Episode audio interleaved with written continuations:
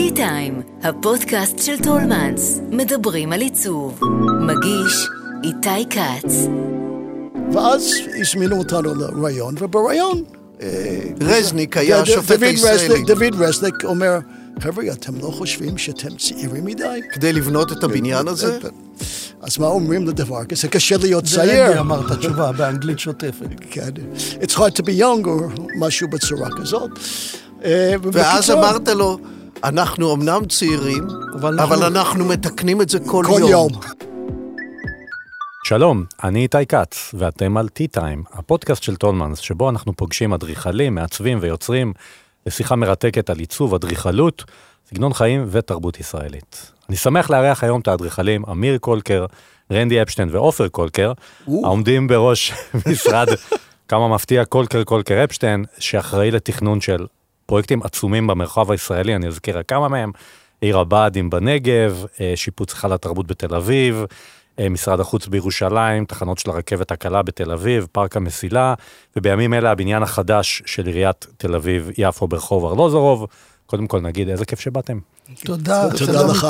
לקח לנו זמן להצליח לתאם שלושה אנשים, זו פעם ראשונה בפודקאסט שיש לנו שלושה אנשים ביחד, אז כבר אה, יצרתם פה תקדים. אה, דיברנו על זה לפני רגע, אני רוצה רגע להתחזות למדור ההורוסקופ. ולשאול מה קרה בשישה ביולי. נולדנו. כן. באופן מפתיע, שלושתנו, סיפרנו לך את הסיפור לפני שתי דקות, אבל זה באמת סיפור מעניין, שלא ידענו. אנחנו עבדנו ביחד כמה חודשים טובים, לא ידענו שנולדנו באותו יום. ביום אחד הסתכלנו על ANU, אדריכלות, אה, אדריכלות ואורבן, ארכיטקצ'ר and urbanism היפני. אה, הייתה אה, אה, כתבה. כתבה על הרמן הרצברגר, אדריכל הולנדי, ובעצם ראינו, בעצם התחילו בזה עם התאריך לידה שלו. בעצם שלושתנו ראינו באותו רגע שזה יום הולדת של כל אחד מאיתנו. להוסיף לזה גם האדריכל, האדריכלית הראשונה שונה. שעבדה אצלנו גם נולדה וואו, באותו אותו יום. אותו יום. אז בענייני הורוסקופ כנראה... והיא ש- עדיין- עדיין עובדת אצלנו כבר כמה? 30, 40 שנה שנה, כמעט. כן.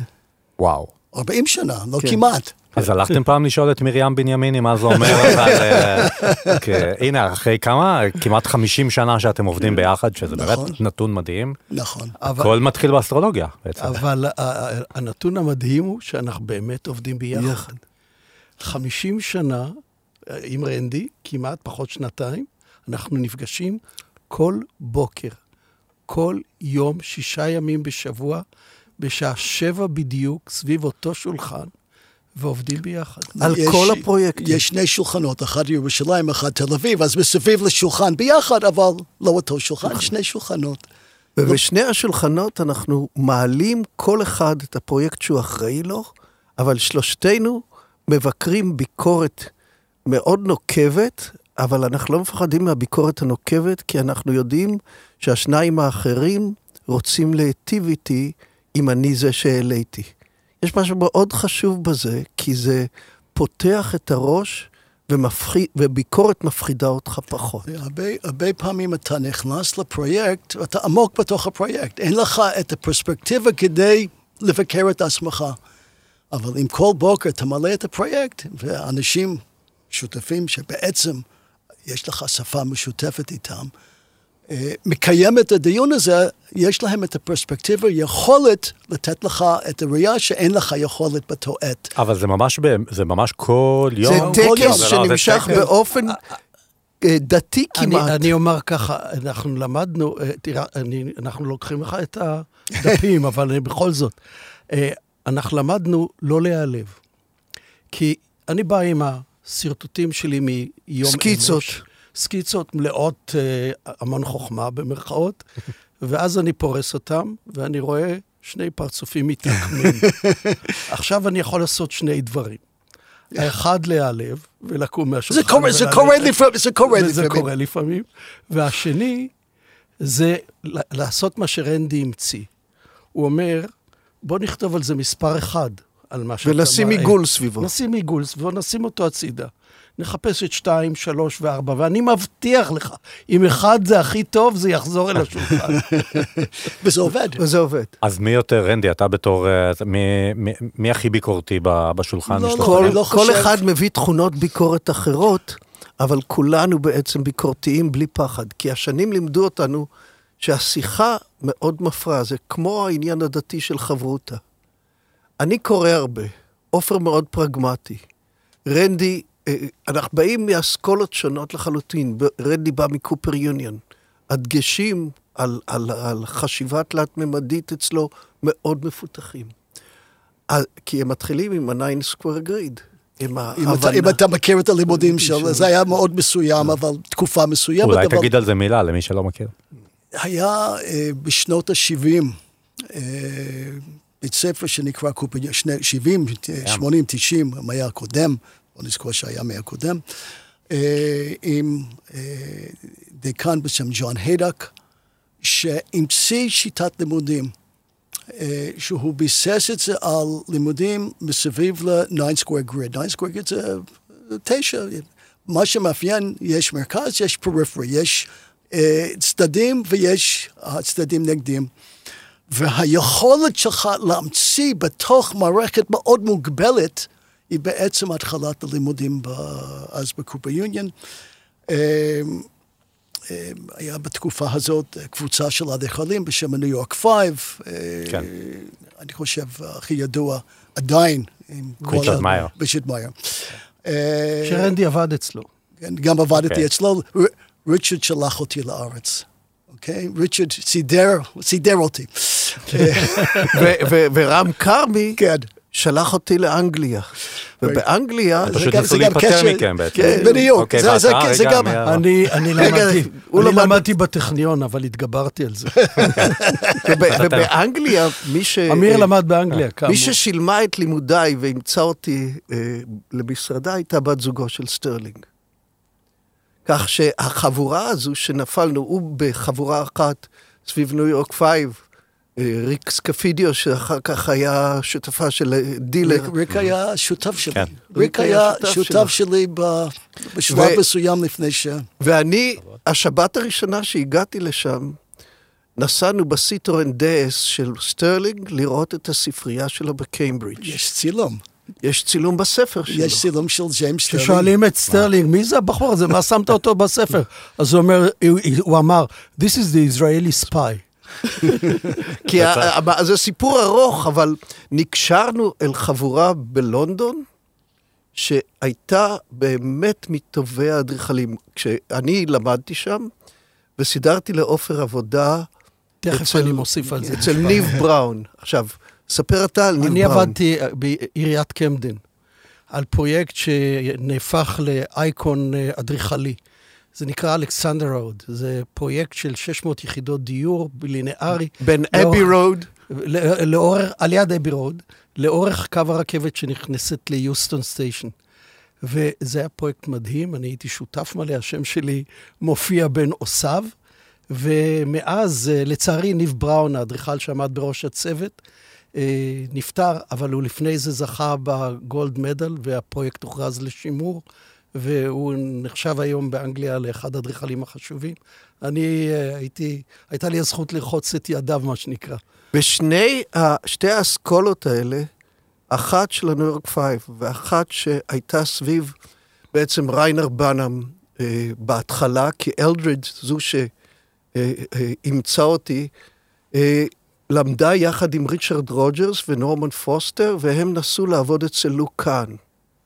אלדריד שהייתה מאוד מפונקת, סליחה, זה לא משמיץ, זה רק מתאר אותה, לא רצתה, לא רצתה להישאר במשרה, היא לא הועסקה בחייה על ידי אף אדם בעולם, ונראה היה לה שאפילו לואי קאן הוא לא מעסיק שראוי שיעסיק אותה.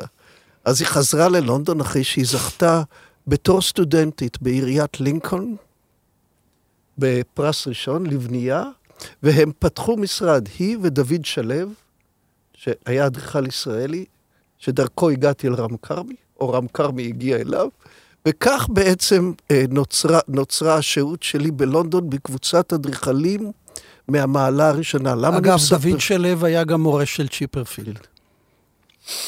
טוב, אתם פותחים כאן באמת אה, לא, מחילת הנער. כי ולמה אנחנו אני- מוצאים, למה אני אומר את זה? כי אנחנו מוצאים המון דמיון בין שיטת העבודה שלנו לשיטת העבודה של צ'יפרפילד, ואנחנו מייחסים את זה לדוד שלו. והדוג... והדבר היותר חשוב הוא שהערנות החברתית, נקרא לה הסוציאליסטית, שזה היה שלהי השלטון של הלייבור באנגליה, התעורר אצל שלושתנו, ושלושתנו הגענו למשרד השיכון. אה, רנדי עבד אה, עם, ה- עם אה, החבורה, איך קראו להם? של. אה, אה, ה housing בניו יורק. קנת פרמפטון ו... שפיתחו אה, מגורים. אבל רגע, מה עשיתם, בואו רגע נתקדם, אז מה עשיתם כאן עם משרד השיכון בעצם? מה היה? אה, אה, זה נורא פשוט. רם כרמי התמנה לאדריכל ראשי אה, של משרד השיכון, בימיו של אברהם עופר ייזכר לטוב. ייזכר לטוב, זכור לטוב, למרות... אה, כן, כן לטוב? הוא היה מדהים. הוא היה מדהים. כי הוא היה נגיד. שבציבוריות הישראלית הוא זכור כן, מאוד אבל לרע. אבל אה, כן, היום זה- הוא אבל זה אפילו לא היה מניד עפעף באות- ולא מתאבד כמו שהוא באותה עת. אז רק נמקם את זה בשנים, זה סוף תקופת המערך, 77 בערך. נכון, 75. כן. הצטרפנו בדיוק. למשרד השיכון, כאמור. אה, אמיר ואני מיד נהיינו הסגנים של רם כרמי. היה אמיר אחראי למחוז ירושלים, אני אחראי למחוז המרכז, ולימים הצטרף רנדי, והיה אחראי למחוז הנגב. זאת אומרת, היינו שלושתנו, היה עוד אחד, היו עוד אחד שהיה אחראי על מחוז הצפון. אבל זה בעצם בסוף, ככה, תחילת סוף התקופה של בכלל דיור ציבורי נכון, בישראל. נכון. אבל אפשר נכון. לזקוף את זה באמת לזכותו של אברהם עופר, שהבין שבתוך המסה העצומה של בנייה חסרה איכות. והוא uh, חיפש אדריכל שיכניס את האיכות. רם, רם כרמי היה באותה עת. א', אנחנו היינו ילדיו uh, לאור, ממש מגיל uh, התבגרות, הכרנו אותו מוקדם מאוד בחיים שלנו, ו- והוא אימץ אותנו, אבל הוא גם היה האדריכל הכי דומיננטי, ולכן פנו אליו להיות אדריכל של משרד השיכון. אחרי שפנו לספדי וספדי. לא, אני לא יודע. ו- זה ו- סיפור ששמענו, זה- אני זה לא- לא יודע זה כמה לא- זה נכון. והוא מיד צירף את אמיר ואותי, כי אמיר היה קשור אליו ביוגרפית, ו- ואנחנו הכרנו אותו כאמור מגיל 15-16, ו- ו- ואז הוא נסע לניו יורק. הוא נסע ללונדון, לונדון וניו יורק כדי רגע, להביא- אבל מה- אבל מה- אבל מה תכננתם איתו? רגע, להביא שחקני חיזוק, אוקיי. והוא חזר עם רנדי. זהו, זה And the כל rest ה-. או במכבי תל כי אביב. אנחנו חזרנו מאנגליה ודיברנו אנגלית שוטפת, והוא הגיע עם המבטא הברוקליני שלו, וזה הפך לשלישייה. היה לנו עוד רביעי אחד מ- מטורונטו, אבל הוא... אבל מה, מה שתכננו באמת, עשינו פרויקטים ענקיים שלא נבנו.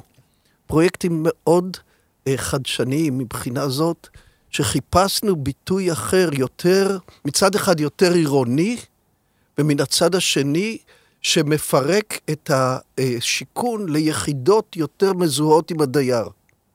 ואז אה, אנחנו, רנדי תכנן בבאר שבע. שכונה, באופקים, שכונה גדולה שכונת שבנתה בן- בן גוריון, לא בן הגיע גוריון. לביצוע, אבל נהניתי מכל רגע. חצרות, חצרות. כן. אנחנו תכננו את גבעה שלימים נקראה גבעת התאומים. מעניין למה. I wonder why, כן. למה? איפה? וזה היה אה, בגילו, זו גבעה שלמה, כן. שבה הכן- הכנו מפריקסטים, והרומן שלנו מפריקסטים מתחיל שם. אה, אה, בונה בניינים מדורגים על ההר, במידה מסוימת מושפעת מגרסטל, שהיה מורה של עופר, של פירמידה, שמכל גובה נכנסים אל קומה אחרת בגשרים. הרבה- הרבה יותר מתוחכם מזה. הרבה, אז לא- הרבה לקרוא יותר לזה מתוחכם, פירמידה זה כן. לא... כי מאוחר יותר בנינו את זה בפועל, בגבעת מוריה בירושלים, את, הק... את הקסבה הזאת, והיא הייתה מאוד מוצלחת. הדיירים, אלה שנכנסו אף פעם לא עזבו את הדירות שלהם. כן? כן, זה היה, זה, ולכן אה, היינו שמונה שנים במשרד השיכון. אבל משהו מזה גם יצא לפועל מהשמונה שנים שום? דבר. שום דבר. לא, הוא מרכז רמות. לא, הוא לא לא יצא. בפוליטנו. נכון, לא, לא, אנחנו לא זאת בנינו. הסיבה, אגב, שעזבנו בסוף. כן.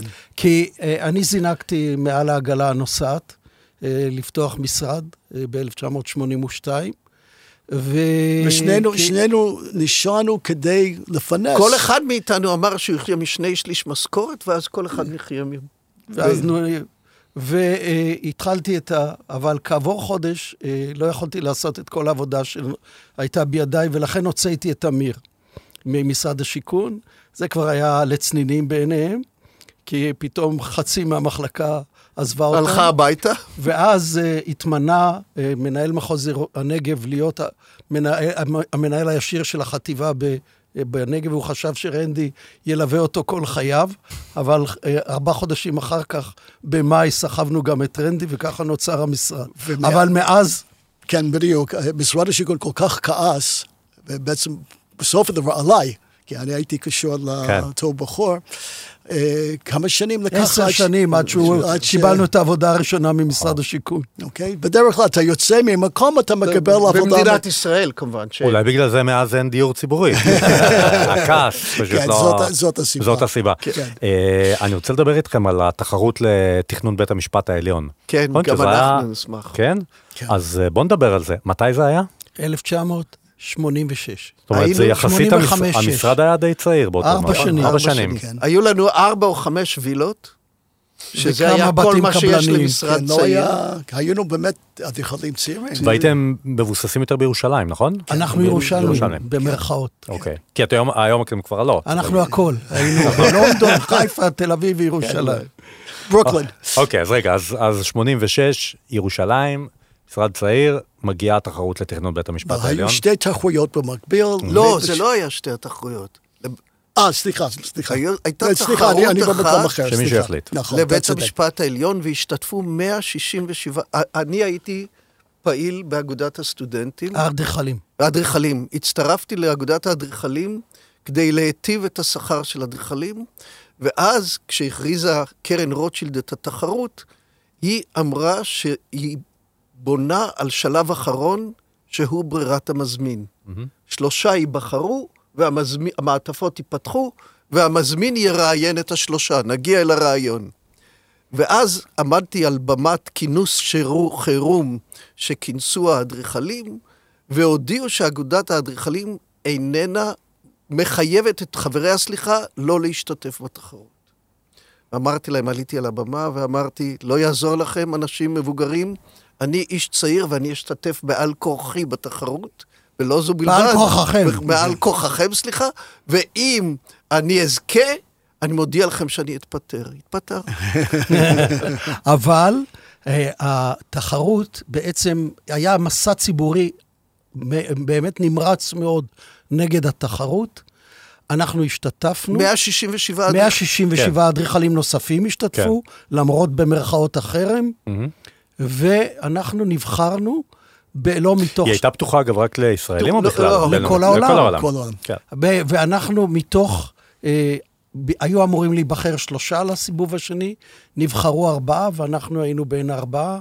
הלל שוקן, אה, אה, דוד שלו, שדוד שלו, הבוס שלנו, מלונ... הבוס שלו מלונדון, ו... רם ועד הכמה.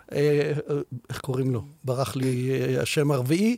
ואלינו צורפו שישה אדריכלים מכל העולם, חבורה מאוד מכובדת, מאוד מרשימה. לגורטה שהיה שותפו של... אה, ברגן. ברגן, mm-hmm. היה ג'ים אה, פריד, שהיה שותפו של ה-MP, היה ריצ'רד מאייר. אבל צורפו, צורפו כמה?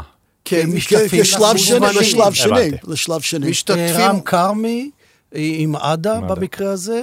ויעקב רכטר, ומשה ספדי כמובן. כמובן. אוקיי, ואז מגיע השלב השני. ואז מגיע השלב השני, ואנחנו נבחרים בין השלושה. וכאן הסיפור של רנדי, רנדי, מה, ישב שם רזניק, ישבו שם שופטים מן המעלה הראשונה. ישב איזיה ברלין. ישבו... אה, אה, צ'אק, צ'אק, צ'אק מור. מור. צ'ארלס מור. וצ'ארלס מור. ופלי. ופלי, סזר פלי. סזר פלי, אוקיי? שופטים, שופטים, באמת בריקדה שקשה לעמוד בחברתה מרוב כובד המשקל.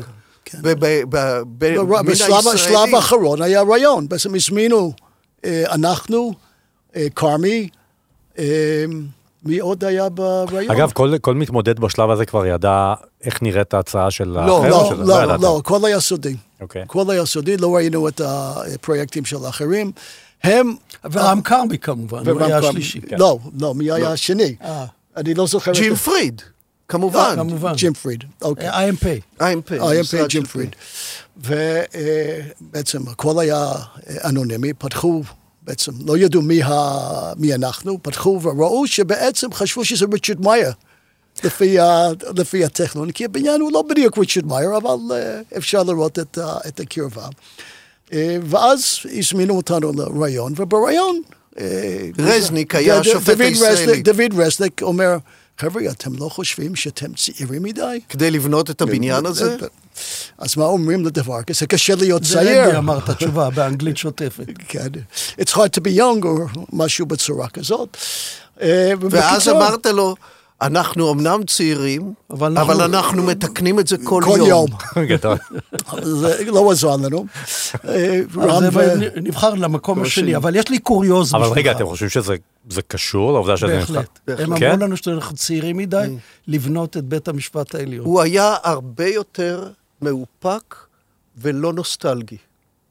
הוא, תראה, אני לא רוצה... רגע, לס... אמיר, אני רוצה לספר קוריוז לפני שאתה נכנס ל... אני ישבתי בבית וקיבלתי את הטלפון שלא זכינו. עכשיו, אמיר אכל ארוחת ערב עם ג'ים פריד ודוד שלו. אני חשבתי לעצמי שאם אחד מהם היה זוכה, הוא היה מטלפן אליי. ולכן הבנתי שרם כרמי זכה. השעה 11 בלילה, אני מצלצל לרם כרמי ואומר לו, רמי, כבשת את ההר, ברכות. אז הוא אומר לי, תשמור את זה בסוד. איפה אתה יודע? אמרתי לו, אחד ועוד אחד יוצא שתיים. במקרה ישב אצלי שדרן רדיו עורך חדשות, והוא שמע את זה, ובחדשות של 12 בלילה דפקו את משפחת רוטשילד והודיעו שרם כרמי זכה בתחרות. עכשיו, הרעיון שלנו היה, אנחנו תמיד מתייחסים כשאנחנו מתכננים בית אחד, אנחנו מתייחסים לכל הרחוב, וכשאנחנו בונים רחוב, אנחנו בונים את כל העיר. וההזדמנות של ארגון בניין הממשל הישראלי עמד לנגד עינינו, ואנחנו יצרנו ציר שמתחיל בכנסת ונגמר, ונגמר בבנייני האומה, ציר ראשי. ציר השלטון. ציר השלטון או... של שלוש הזרועות שעכשיו היום, לצערי, עומדות תחת סימן שאלה גדול, אבל הזרועות האלה בעצם יצרו... מהקונגרס הציוני, ציוני. שביתו הוא... אה, אה, אה, בנייני האומה. בנייני האומה ועד הכנסת. ועד הכנסת. והבניין שלנו ישב על הציר והיה בו מעבר ציבורי. Mm-hmm. המעבר הציבורי הזה היה מושפע מעבודתו של היינץ ראו. כי כשחדרי המשפט בבניין שלו, של ההיברו יוניון קולג', לא זה שספדי בנה, אלא זה שאנחנו הערצנו, עלו אל הבניין, אבל עלו וקודם ראו את ירושלים. בבחינת אתה עולה לרגל לירושלים. אתה עולה לרגל לירושלים, ורק אחר כך פנו שמאלה ונכנסו אל תוך הבניין. וכך נכנסו אצלנו לחדרי המשפט. היה חצר, הגיעו בדרך הציר אל חצר, עלו ממנה אל המשפט, ראו קודם את ירושלים, את נחלאות ומה שנשקף במדרון היורד מקביל לבצלאל, ואחר כך נכנסו אל חדרי המשפט שהיו קופסאות פשוטות שפנו לירושלים. כן, האמת היא שהפרויקט עומד גם טוב היום, הוא באמת היה... במבחן, בדיעבד, 30... כי אלה היו קופסאות לבנות מסוטטות מאבן לבנה, מושפעות עדיין מהאסתטיקה של גבעת רם.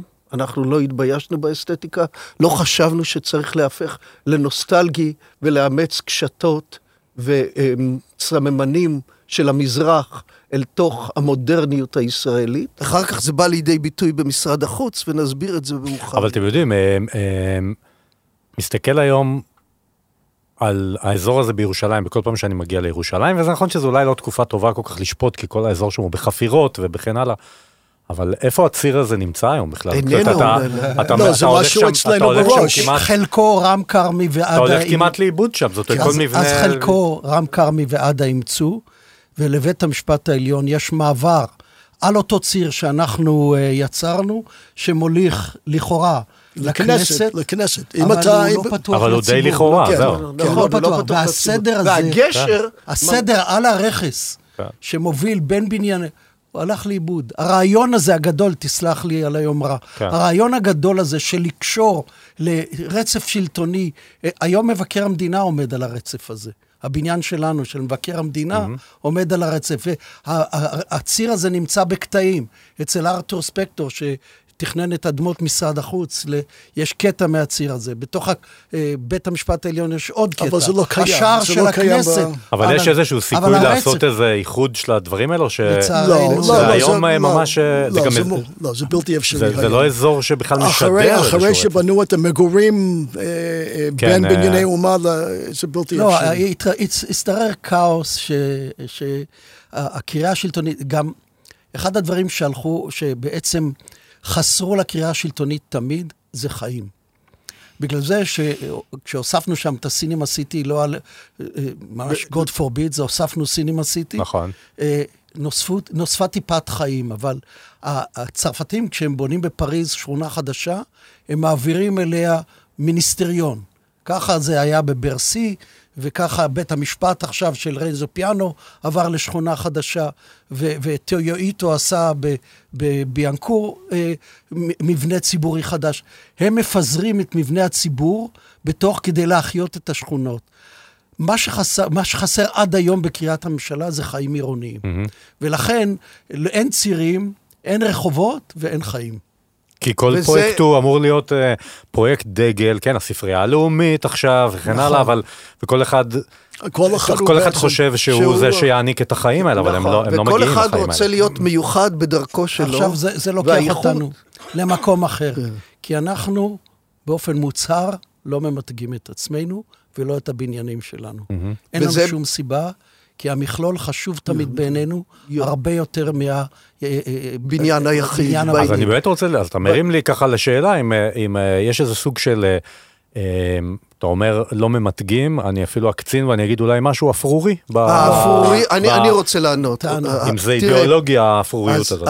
זה לא- לא אפרוריות. לא אפרוריות. אני אני כתבתי לעצמי את זה, אני אקרא תכף. אוקיי. אבל הדבר החשוב לנו בראש, זה שאנחנו בונים את העיר.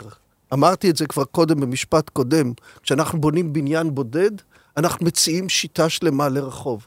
כשאנחנו בונים רחוב, אנחנו רואים את השתתפותו בעיר כולה. ולכן הבניין היחיד פחות חשוב מהשיטה השלמה שיוצרת את העיר. ולהפך, ככל שהוא מייחד את עצמו ייחוד צורני וייחוד אה, פורמלי, הוא בעצם שובר את הרציפות. את הצפ- הרציפות הדוג, העירונית. הדוגמה הכי טובה לזה זה קרן הרחובות ויצמן ש, אה, שאול המלך.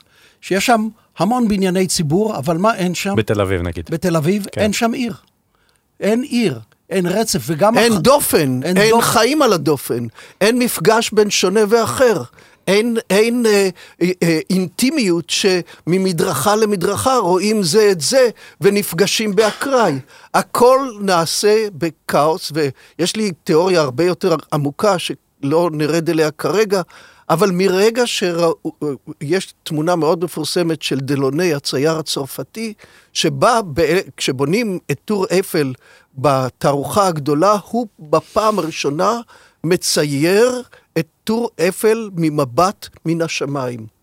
מה זה אומר? המטוסים של האחים רייט עוד לא טסו, אמיר, אבל הם כבר הבינו שאת הערים יראו מן השמיים. מרגע שראו את הערים מן השמיים, נעלם המרחב הציבורי, אני לא אלך וארחיק יותר. כן, וזה הפך לסוג של ציור, וסוג של כתמים צבעוניים של שימושי קרקע. ואנחנו בבניית העיר רוצים להחזיר את המרחב הציבורי. רוצים לבנות אותו, וכל בניין שאנחנו בונים, זו הזדמנות לבנות חלק מן הדופן החדש, שיעזור לחזק את המרחב אז איפה הציבורי. יש, איפה יש את זה למשל במשרד החוץ בירושלים? במה זה... משרד החוץ-? בדופן האחורי, כמובן. בדפן האחורית, זאת שמלווה את הרחוב. כי הדופן הקדמית היא על השדרה הייצוגית. זה היה בדיוק הרעיון של משרד החוץ. משרד החוץ, אם אתה מכיר את, את, את התיסס של ג'ון היידק, את house, נכון? בונה קיר, כן. זה הדופן, ובעצם מה שקופץ לצ- לצד השני יושב בתוך ה- בעל חשיבות. בתוך בתוך השדרה, שני אובייקטים בתוך ציבוריים. הפארק. אבל, אוקיי? עדיין, אבל עדיין להולך הרגל שהולך באזור הזה, משרד החוץ או משרד אחר, אה, זה- אין זה- שם אז- שום אז- דבר אז- עירוני, נכון? פעמיים. א', יש עירוני, ברחוב שהוא לא שדרות הנשיא, יש רחוב יש אה, בניין שמלווה את הרחוב. לא, אבל עופר, המידה. באופן אובייקטיבי, יש כאן פרנויה של ביטחון. ואחת הבעיות הקשות של בכל הבניינים בכל הציבוריים. הבניינים של הקריה, לנו אפילו שמו שפיצים כן. מעל uh, הבניין של זה. במחאה עצומה שלא הצלחנו להיפטר ממנה. ה- הפרנויה של הביטחון, שמוחזקת בידי קב"טים, הורסת את המרחב העירוני. בעניין הזה צריך להודות להם. משרד ראש הממשלה בדאונינג 10, כשאתה רואה את מגורי ראש הממשלה נכון. ב- ב- בלונדון, אז אפשר אה, לדפוק בדלת. עומד שוטר אמנם בכניסה, אבל אפשר לדפוק בדלת. נכון, פה זה תמיד compounds כאלה. כן, compound, אה, מוקפים כן. גדר דו-שיפועית. כן. עם אה, גדר תיל עליו קוצים כדי לא... אני מניח שנגיד בבניין של עיריית תל אביב החדש, במתחם סומייל, זה לא יהיה ככה, נכון? רחוק לכן- מזה בהחלט. ולכן- ספר על זה, עופר. אה, תראה, הייתה תחרות לתכנון אה, אה, בית עירייה נוסף לעיריית תל אביב, זה היה אמור להיות באותה עת בניין מהנדס העיר, מטעמים שלא כאן מקום לדבר, זה הפך לבניין של התאגידים העירוניים.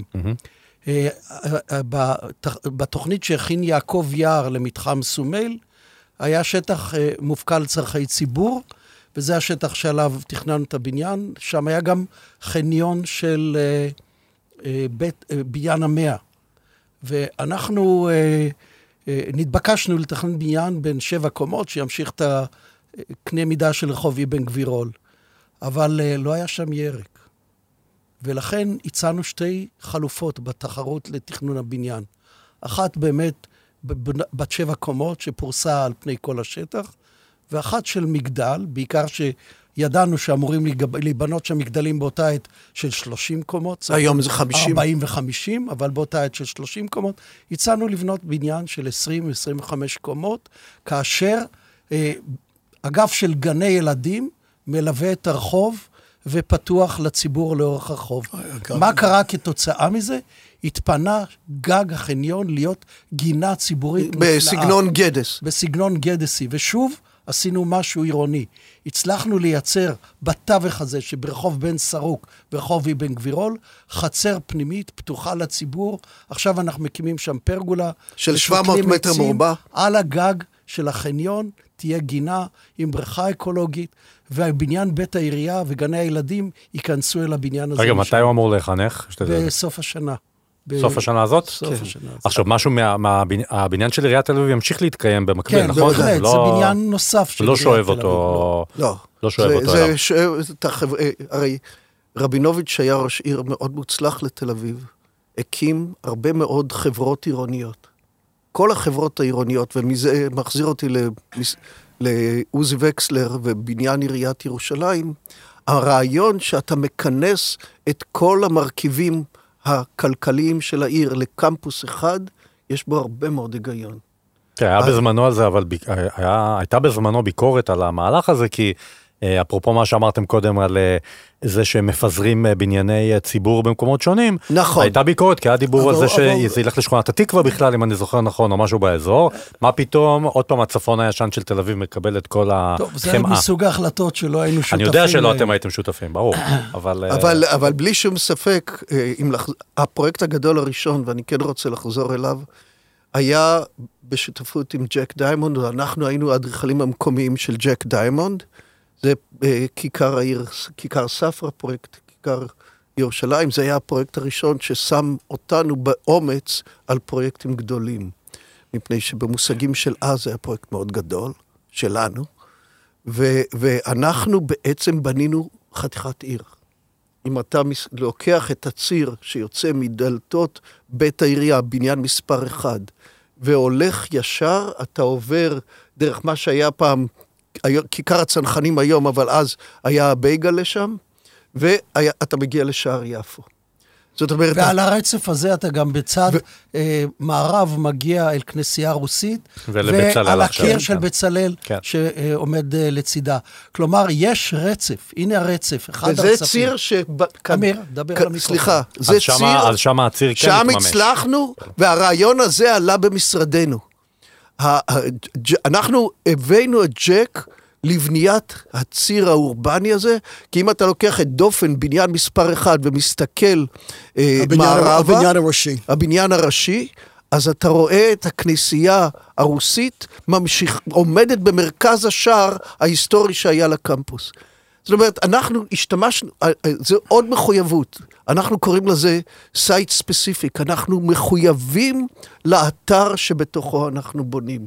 זה לא קונטקסטואליזם במובן הנוסטלגי, אלא מחויבים להמשיך ולבנות את העיר, את הרצפים את הרצפים העירוניים, ולבנות אותם כך. אם, תראה, היה לנו שוב ויכוח עם ג'ק, כמה פוסט-מודרני צריכים להיות הבניינים. שוב, הוא בא מקנדה, אני לא אספר על הרבה מאוד אדריכלים שבאים אל ישראל מן העולם ועושים, מכניסים אצבעות בעין. אבל הוא בעצם חשב שהוא לקח את הפסים של בית העירייה הראשון, עשה אבן אדומה ואבן לבנה, זה היה בניין טורקי שהיה בתוך העיר העתיקה, ועוד ועוד אלמנטים עשריה. עשריה. כך שבעניין הזה, אנחנו בטקסטואליות שלנו, במימד הפנומנולוגי של הבניין, אנחנו חושבים שהזיכרון החומרי צריך לעבור את הטרנספורמציה ולכן- המודרנית. ולכן במשרד החוץ השתמשנו באבן שקופה, אוניקס, שהיא בעצם חומר זיגוג. היא האבן הירושלמית, היא כלפי חוץ בשעות היום, היא באותו גוון ובאותה טקסטורה ובאותו מראה של קיר אבן ירושלמית אה, מסורתי, אבל אה, בשעות היום האור חודר פנימה אה, ובאור צהוב נפלא, עם תקרה שקופה עם אור מסונן, ויוצר חלל חד פעמי, ותכף נדבר למה החלל החד פעמי הוא בפנים ולא בחוץ, ויצרנו, וכלפי חוץ בשעות הלילה היא בוהקת באור נפלא. זאת אומרת, הרעיון של הייחוד של הבניין, המקום ששם הוא יוצר את החד פעמיות שלו, הוא החלל הפנימי. החלל שמאחד את האנשים שבאים אליו, אז רגע, אז מיד אני שואל, ונותנים לו אז- את הממד הציבורי. רגע, אתה בעצמך אמרת מה השאלה הבאה, אז למה החלל הזה הוא בפנים ולא בחוץ? זה, כי זה, החלל בפנים, כי שם כבודה של בת מלך פנימה, ושם, אה, ושם למעשה הוא לא מהווה חלק מהרצף.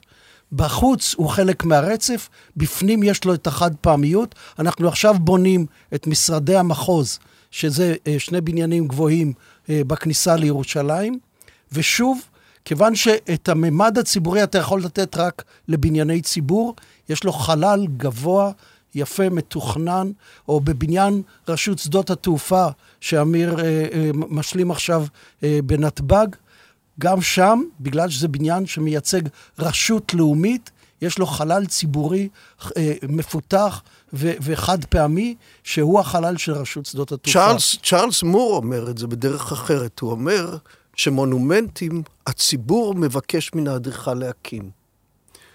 והציבור, זו משאלת לב של הציבור להקים מונומנט לעצמם. וכשהמונומנט הזה מוקם כמשאלת לב של הציבור, רק אז בעצם הוא מונומנט אמיתי. מכיוון שאנחנו חושבים שהבניינים צריכים להשתלב בסביבתם ולבלוט פחות, המימד הדרמטי הוא המימד המכנס את הגרים בבניין ומחזק את אורחות חייהם בתוך הבניין. בעניין הזה אני חושב שבניין שמחזק את אורחות החיים של המשתמשים בו, יותר חשוב מהמימד הפורמלי הצורני שלו בחוץ. אז זה מתחבר בעצם למה ששאלתי קודם, בעצם על ה... יש לכם איזה... נכון? יש לכם אה, חוסר עניין בלהיות איקונים, נכון? נכון, נכון מאוד. לא חוסר עניין, התנגדות. התנגדות להיות. רנדי, נראה לי שאתה רוצה לא, להגיד אני, על אני לא משהו. מסכים לגמרי, כי אני חושב שבסוף הדבר משרד החוץ איקוני לגמרי. אני חושב שה... אה, החד פעמיות של הבניינים. נכון, אני חושב שהרעיון של הבניין, הבניין בעצם בנוי עם שלושה חלקים, החלק ה- הליניארי הבונה את הגב, את הבניין המרכזי שמחבר את החלקים הנוספים ביחד, ואלמנט של, ה, של השר, שיושב מול הפארק, שהוא ה, עם הגג, חושב שזה מצליח להיות מאוד אייקני, אבל זה צנוע, אבל... זה לא צועק. כן. אין צורך לצעוק. שזה גם- שזה גם. בעיר הבה"דים באיזשהו אופן, נכון? אני משווה את זה לשיחת יום שישי. ש... אה, כשאתה מכנס אנשים בבית וכולם צועקים, אין שיחה. כשהם מדברים ש... אחד אל השני בשקט ומקשיבים, נוצרת השיחה המשותפת. והשיחה המשותפת היא סימן לתרבות. המיתוג העצמי בעצם שייך לעולם הקפיטליסטי. אני חושב שהנהנים ממנו העיקריים הם היזם והאדריכל. האנשים שמשתמשים בבניין, אין להם שום משמעות אם הבניין מפותל או ישר. הפיתול בא כחלק מן המיתוג שהוא השיטה הקפיטליסטית. אתה מעלה את היוקרה של עצמך לצורך מכירה במחיר יותר גבוה. אבל תגיד, עם, ה, עם היד על הלב, אין, אין איזה רגעים שאתם רואים בעיניים כלות איך אה, פרויקטים מאוד אה, איקונים או כאלה שמבקשים להיות כאלה, ככה מקבלים את הבמה התקשורתית? שיקבלו את הבמה. זה לא שחסרה לנו עבודה ואנחנו צריכים לעמוד ולצעוק, אנחנו כאן. להפך. המשרד מלא, יש לנו שני משרדים גדולים מאוד בתל אביב ובירושלים.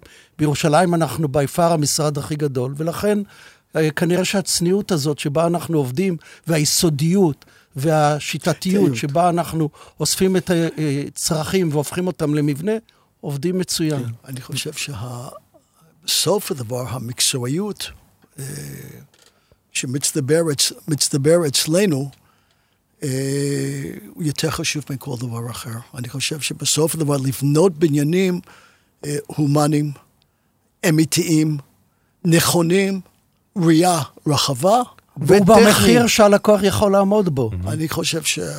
זאת אומרת, לא סתם שעיר הבה"דים היה בניין פשוט. אני רוצה לחזור להתחלת השיחה, שאנחנו חושבים שקודם כל צריך לבנות את הרקמה האורבנית, ובתוך הרקמה האורבנית יש מקום כאן ושם לאייקונים. קודם כל, המטרה היא לבנות את הרקמה. אנחנו לא שם, ואנחנו שכחנו את זה. לחזור אה, לעיר היסטורית, שבעצם יש לך כיכרות ויש לך סמלים, אבל בעצם יש לך עיר. אנחנו לא שם, שכחנו איך לבנות ערים. וזה מה שאנחנו חושבים לפני הכל. ועוד uh, אני יכול לחזור אם ככה בזה לעיר הבה"דים. לעיר הבה"דים יש uh, שני אספקטים. Uh, האחד הוא uh, פרוגרמה מאוד מורכבת והרבה מאוד שימושים שביחד יכולים באמת ליצור עיר. ועיר הבה"דים, כשאנחנו ניגשנו אליה, עשינו את הדבר הראשון, תכננו אותה מחדש מעבר להצעת המדינה. וצופפנו אותה, וצופפנו אותה. ולא מספיק. ועדיין לא מספיק. היינו יכולים לצופף אותה עוד הרבה יותר, כי אתה בונה עיר בנגב. עיר במדבר. ואם אני מסתכל על מסדר שבנה נורמן פוסטר באבו דאבי, הוא בנה את זה הרבה יותר צפוף ממה שאנחנו הרשינו לעצמנו, או הייתי אומר, הרשו לנו. זה דבר אחד. הדבר השני, כשאתה מתחרה על תחרות שהיא ב-Design, Build, Operate and Transfer, אתה מתחרה על הכסף. ולכן, יש גם אפשרות לעשות אדריכלות במחיר נמוך. אני אחד, כן. ועיר הבה"דים היא הוכחה שניתן לעשות אדריכלות צנועה אמנם, מאופקת, אבל מקומית ומכובדת, ומכבדת את משתמשיה, ומתאימה להם היטב, ויוצרת להם סביבה. היום חיילים אוהבים להיות בעיר הבה"דים יותר מאשר בקריה בתל אביב. איך אתה יודע? כי אני מקבל את התגובות מהם. אני שומע מהילדים של אה, חבריי, ואני שומע, רק, רק ביום שישי זה שמעתי מנכד שחזר מהצבא ואמר את זה. כי מה יש, מה הם אוהבים שם? כי את הכיכר המרכזית. להיפגש. את הכיכר, הם לובשים בגדי חול בשעה אה, חמש אחרי הצהריים, ורצים לכיכר המרכזית להיפגש. והיא מלאה הורמונים. מלאה הורמונים. זה בטוח. אה, אני רוצה, וואי, יש לנו המון מה לדבר ואין לנו זמן, כי אנחנו כבר uh, way uh, מעבר ל... לזמן, ואתם באמת אין לכם... תערוך אותנו. אין, אין, אין, אין, אין סוף, או יש סוף, אבל יש לכם המון המון פרויקטים. אני רוצה אה, לשאול אתכם על מה שקורה עכשיו בתל אביב עם הרכבת הקלה וכל הפרויקטים, כאילו, בצד ה... שהוא משלב גם תחבורה שאתם אחראים לו? איפה זה עומד? אז א', אנחנו מסתכלים בכיליון עיניים לפתיחת המערכות התחבורתיות של הסעת המונים. הייתה טעות בלהכניס את הרכבת הקלה. הרכבת קלה לא נועדה מראש לנסוע מתחת לקרקע. וזה רק מטעמים אה, פוליטיים, היא לא נוסעת על פני, כמו, על פני הקרקע כמו באמסטרדם. למה, למה זה לא קרה אגב? תזכיר. כי? כי אה, אה, הפכו אותה לרכבת תחתית במקום ב- לא, כי רון חולדאי אמר שהרכבת הקלה לא תעבור בתל אביב, אלא אם היא תעבור מתחת לקרקע. כן, אבל היא כן עוברת בחלקים מסוימים כן, בתל אביב. אבל בסוף הדבר, מתחת. ה- ה- ה- המטרו הוא בקנה מידה אחר לגמרי, ובעצם המעבר למטרו דרך רכבת קלה זה קצת טעות, זה היה בזבוז הרבה כסף, אה, בזבוז זמן, הוא ימלא תפקיד מסוים אה, עד שאנחנו נגיע למטרו. כל דבר דוחה את המטרו, זה טעות. אנחנו עכשיו, אנחנו עכשיו מתכננים את הקו הירוק, וקודם תכננו את הקו האדום, והנה אתה רואה שגם בקו האדום הצלחנו לתרום לתל אביב ציר, אה, מקום אורבני משמעותי מאוד מאוד. פארק פארק המסילה. המסילה הוא תוצאה ישירה שאנחנו פיתחנו. זאת אומרת, ה- הוא נולד, הוא נולד בכוונה או שהוא היה ככה by לא, product של ספר ה- להם, עופר, איך הוא נולד. הוא, אני תמיד אומר, הקרבולת של הדרקון שמונח מתחת. אבל הקרבולת הזאת נוצרה בכך שהרכבת אה, נכנסת אל תת הקרקע באזור הזה, וצריך היה לעשות את זה ב-cut and cover, כי מכונת הקידוח ה- אה, לא יכולה הייתה להיכנס לאזור הרדוד של התחנה. ומרגע שהקמנו את זה, הבנו שיש כאן הזדמנות לחבר את תל אביב אל הים, ולכן גם הקמנו את סככת הצל הגדולה הזאת מעל התחנה. באליפלת. באליפלת, כן. כדי להצל על השוהים שם בתחנה תת-קרקעית, סגורה בק- בקירות מסביב, שיוצר חום עצום. ופתחנו את הציר הזה כשאנחנו עושים, עושים כוונה שהפארק ייראה כאילו היה שם תמיד. אין שם אה, אד- אדריכלות גנים בנוסח של דני קרוון, בשום אופן לא, אלא זה אדריכלות אקראית, כמו של אה, אבנזר האווארד, שהיה יורק על השרטוטים. זה אדריכלות... קפביליטי בראון, לא בנה. קפביליטי בראון, סליחה, שהיה יורק על השרטוטים, כדי ליצור אקראיות ותחושה שזה היה שם תמיד. להפך, אנחנו ביקשנו ממתכננת הנוף שעבדה איתנו, מי זאת?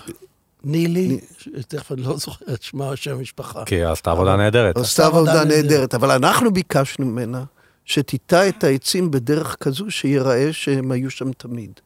זאת אומרת, שוב, אני אומר את זה בחיזוק למה שאמרנו עד עכשיו, שה-site specific, הערנות לסביבה הקרובה, מבלי למתג את עצמך בכוח, אלא להפך, להראות שאנחנו משלימים את הרקמה הקיימת, מייצרים דבר חדש, הציבור נאחז בו, אנחנו משווים את זה לשיר. לשיר עממי.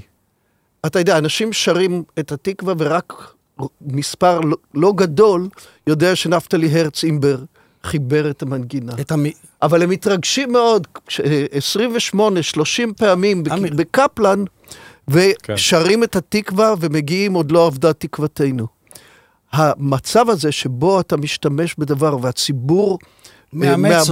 מאמץ- אותו לעצמו, אימוץ אה, מיידי מאוד היה. הוא אין- לאין ארוך יותר חשוב מאיתנו. הפרס הכי גדול אז שאפשר רגע, אני רוצה לקבל. לשאול לשאול אתכם, על זה- על זה שהסיפור הוא סיפור הצלחה, אין על זה עוררין, אני רוצה לשאול אתכם לקראת סיום, אם אתם חושבים שיש, שאפשר לשכפל את הדבר הזה לעוד מקומות דומים בארץ, כל שיש להם את הזמן. הבעיה הזאת. כל הזדמנות היא הזדמנות לשכפל את זה. מכיוון שאם אתה מנחה אותך, העירוניות, הרצון ליצור מקומות שאנשים יכולים להיאחז בהם, ללכת בהם, לא, זה הבנתי, אני לשבת. שואל על מקומות קונקרטיים שאתם אה, אנחנו שאתם כל נמצאים הזמן מתכננים ערים בהיקפים עצומים, ובכל עיר אנחנו מתכננים רחובות. רחובות במובן הרחב. וכיכרות ושווקים. רחובות- אתה- אתה- אתה מדבר על כן, תל אבל- אביב, אנחנו... אני מדבר לא רק על תל אביב, משום שדווקא אחת הבעיות ב- באמת בישראל זה שהערים הם בדרך כלל אה, סברביה. זאת אומרת, אה, כשאתה יוצא מתל נכון. אביב וירושלים או חיפה, אז אתה בדרך כלל מגיע למקומות שקוראים להם עיר, אבל הם לא עיר. כי אין עירוב שימושים, אין אינטנסיביות מספיקה, כן, הצפיפות... כבישים רחבים כן, מאוד. הצפיפות כן. לא מספיק גבוהה, כן. כן. הכבישים, היועצים משתלטים על האדריכלים. אז איפה אתם, אה, יש איזה מקום הנה, שאתם מצליחים... בג'דיידה מכר אנחנו עכשיו בונים עיר חדשה לחברה הערבית, אני מאוד גאה בזה, כי זו העיר הראשונה והיחידה על ידי שנבנית משרד השיכון. על ידי משרד השיכון לחברה הערבית. יש לה רחוב, שני רחובות ראשיים, רחוב אחד, בעניין הזה לגמרי בנאלי, זה נראה כמו עיר רומית. יש לה ציר אחד שמכיל את מוסדות הציבור וכיכר עם שוק פתוח גדול, ויש רחוב אחד שהולך ניצב. מכביש 70 לכביש הכניסה למאקר, שהוא רחוב עם מש... חנויות ומסחר בגובה הרחוב, שימושים מעורבים, ואם זה ייבנה, הרי אתה יכול לחלום ככל שאתה רוצה. מידת ההצלחה בבניית עיר של הציבור כולו ולא שלך כאדריכל. ברור. ואם הציבור יבנה את זה כפי שהתוכנית נראית, אז תהיה שם עיר. המון עוד דברים לדבר, אבל נגמר לנו הזמן. אני רוצה להגיד לכם המון המון תודה על שיחה בבקשה, מרתקת. איתי, תודה תודה, רבה. תודה רבה. אמ, אמיר, עופר, קולקר, אנדי אפשטיין, אמ, תודה שבאתם להתארח אצלנו, ותודה לכם שהאזנתם. חפשו את שאר הפרקים של הפודקאסט, T-Time של טולמנס, באפליקציות ההסכתים. אני איתי כץ, להתראות. תודה, תודה. תודה. האזנתם ל-T-Time, כל מה שמרגש בעולם העיצוב.